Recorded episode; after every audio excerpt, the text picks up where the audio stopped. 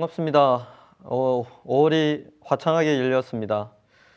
4월이 유난히 춥고 또 기후의 변동이 심하였는데 여러분 어떻게 감기 걸리지 않고 강건하게 복음의 비밀을 누리면서 현장에서 전도자의 삶을 살아가고 있습니까? 오늘 5월 3일 월요일 기도 제목은 전도자의 삶이라는 제목으로 여러분과 함께 하겠습니다. 하나님의 말씀 보겠습니다. 사도행전 16장입니다.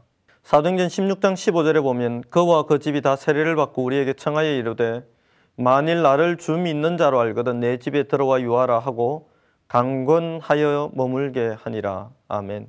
만일에 부부 사이에 또 자녀와 부모 사이에 강단 메시지를 붙들고 또 기도의 응답을 포럼하는 전도의 삶을 나누는 참 포럼이 이루어진다면 그 부부는 가장 복된 삶을 살아가는 부부일 것이고 또 그러한 비밀을 누리는 부모와 자녀가 있다면 그 가정은 하나님이 허락하신 천국의 비밀을 마음껏 누리는 가정이 될 것입니다. 현장에서 하나님이 역사하신 역사들을 전달할 때 자녀들은 영적인 큰 힘을 얻게 될 것이고 또 자녀들의 현장에서의 이야기를 들으면서 부모님은 더 깊고 더 세밀한 기도의 비밀을 가지고 기도 제목을 가지고 기도의 축복 속으로 들어가는 은혜를 누리게 되겠지요. 이러한 행복과 즐거움이 있는 것이 바로 전도자의 삶이요 전도 운동의 시작입니다. 첫 번째 오늘의 전도입니다. 모든 사람, 모든 현장, 모든 만남, 모든 사건 속에는 하나님의 철저하고 세밀한 계획이 있습니다. 대부분의 사람들은 이러한 만남을 무의미하게 생각하고 가볍게 여기고 흘려 보내어 버립니다. 그러나 세상에서도 성공한 사람들은 작은 만남에도 큰 의미를 부여합니다. 누구를 만나서 어떻게 이야기하고 어떤 대화를 하느냐가 참 중요하지요. 세상 사람들은 이러한 것들을 그 모양을 가지고 에티켓이라는 표현을 씁니다.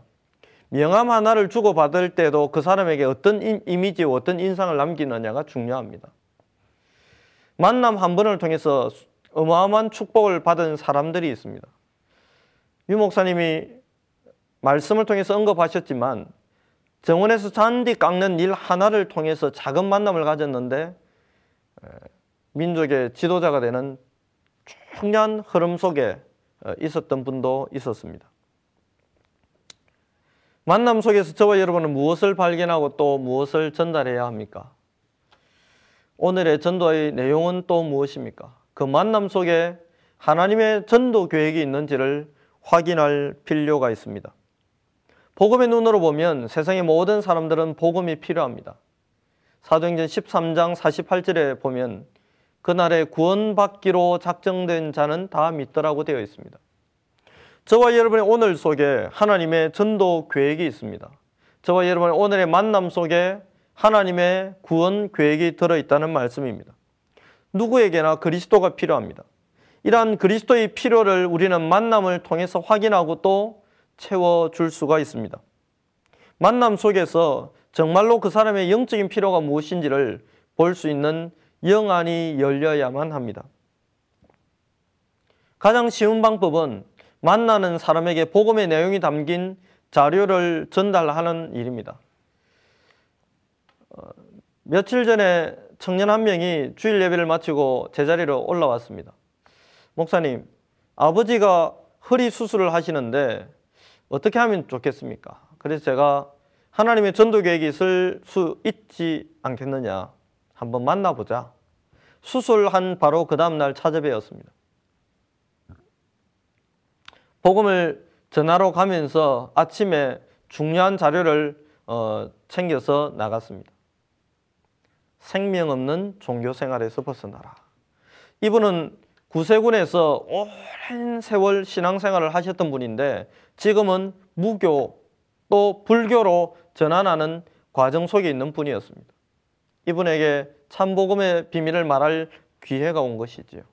이분이 예수님을 그리스도로 인생의 주인으로 영접하시고 난 다음에 저는 그 책을 선물하였습니다. 대부분의 사람들은 상대방에게 그리스도가 필요하다는 걸 알고 있지만 이 그리스도를 전달할 생각을 못하고 있습니다.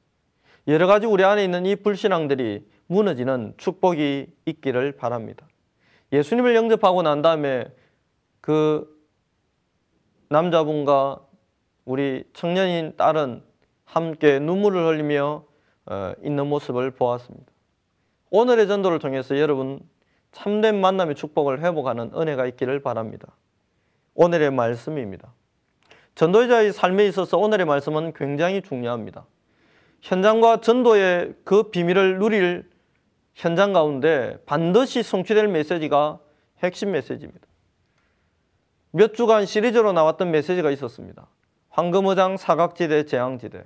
사각지대를 놓고 계속 기도해 보라고 말씀하셨습니다. 그 말씀을 붙잡고 기도했는데 하나님은 사각지대를 파고 들어갈 수 있는 문들을 열어 주셨습니다.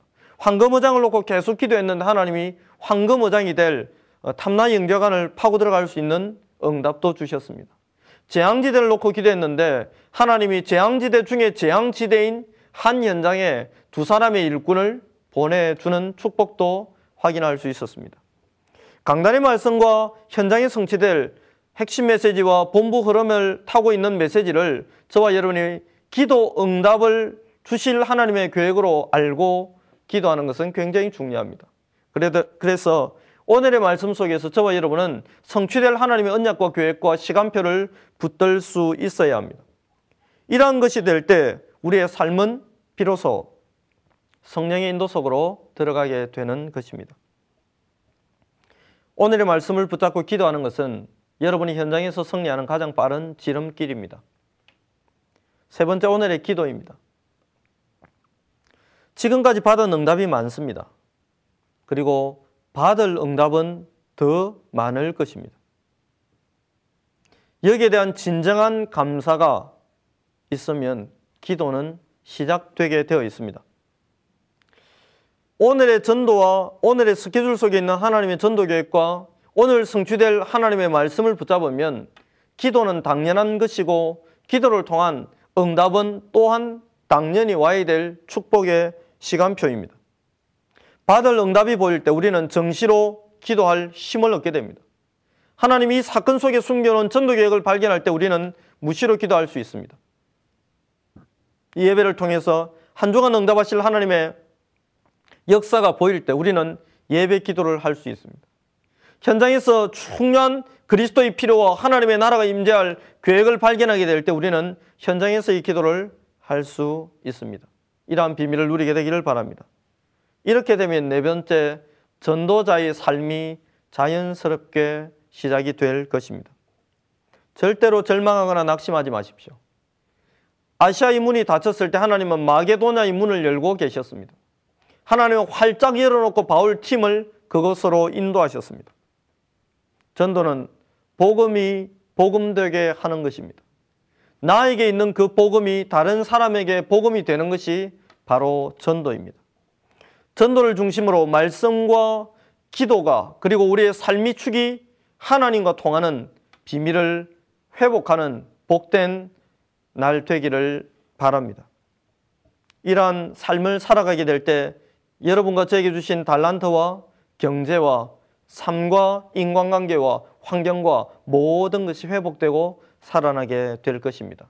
오늘의 포럼을 함께 나누겠습니다. 복음으로 모든 것을 생각하고 복음으로 모든 것을 진행하는 시작을 해 보세요.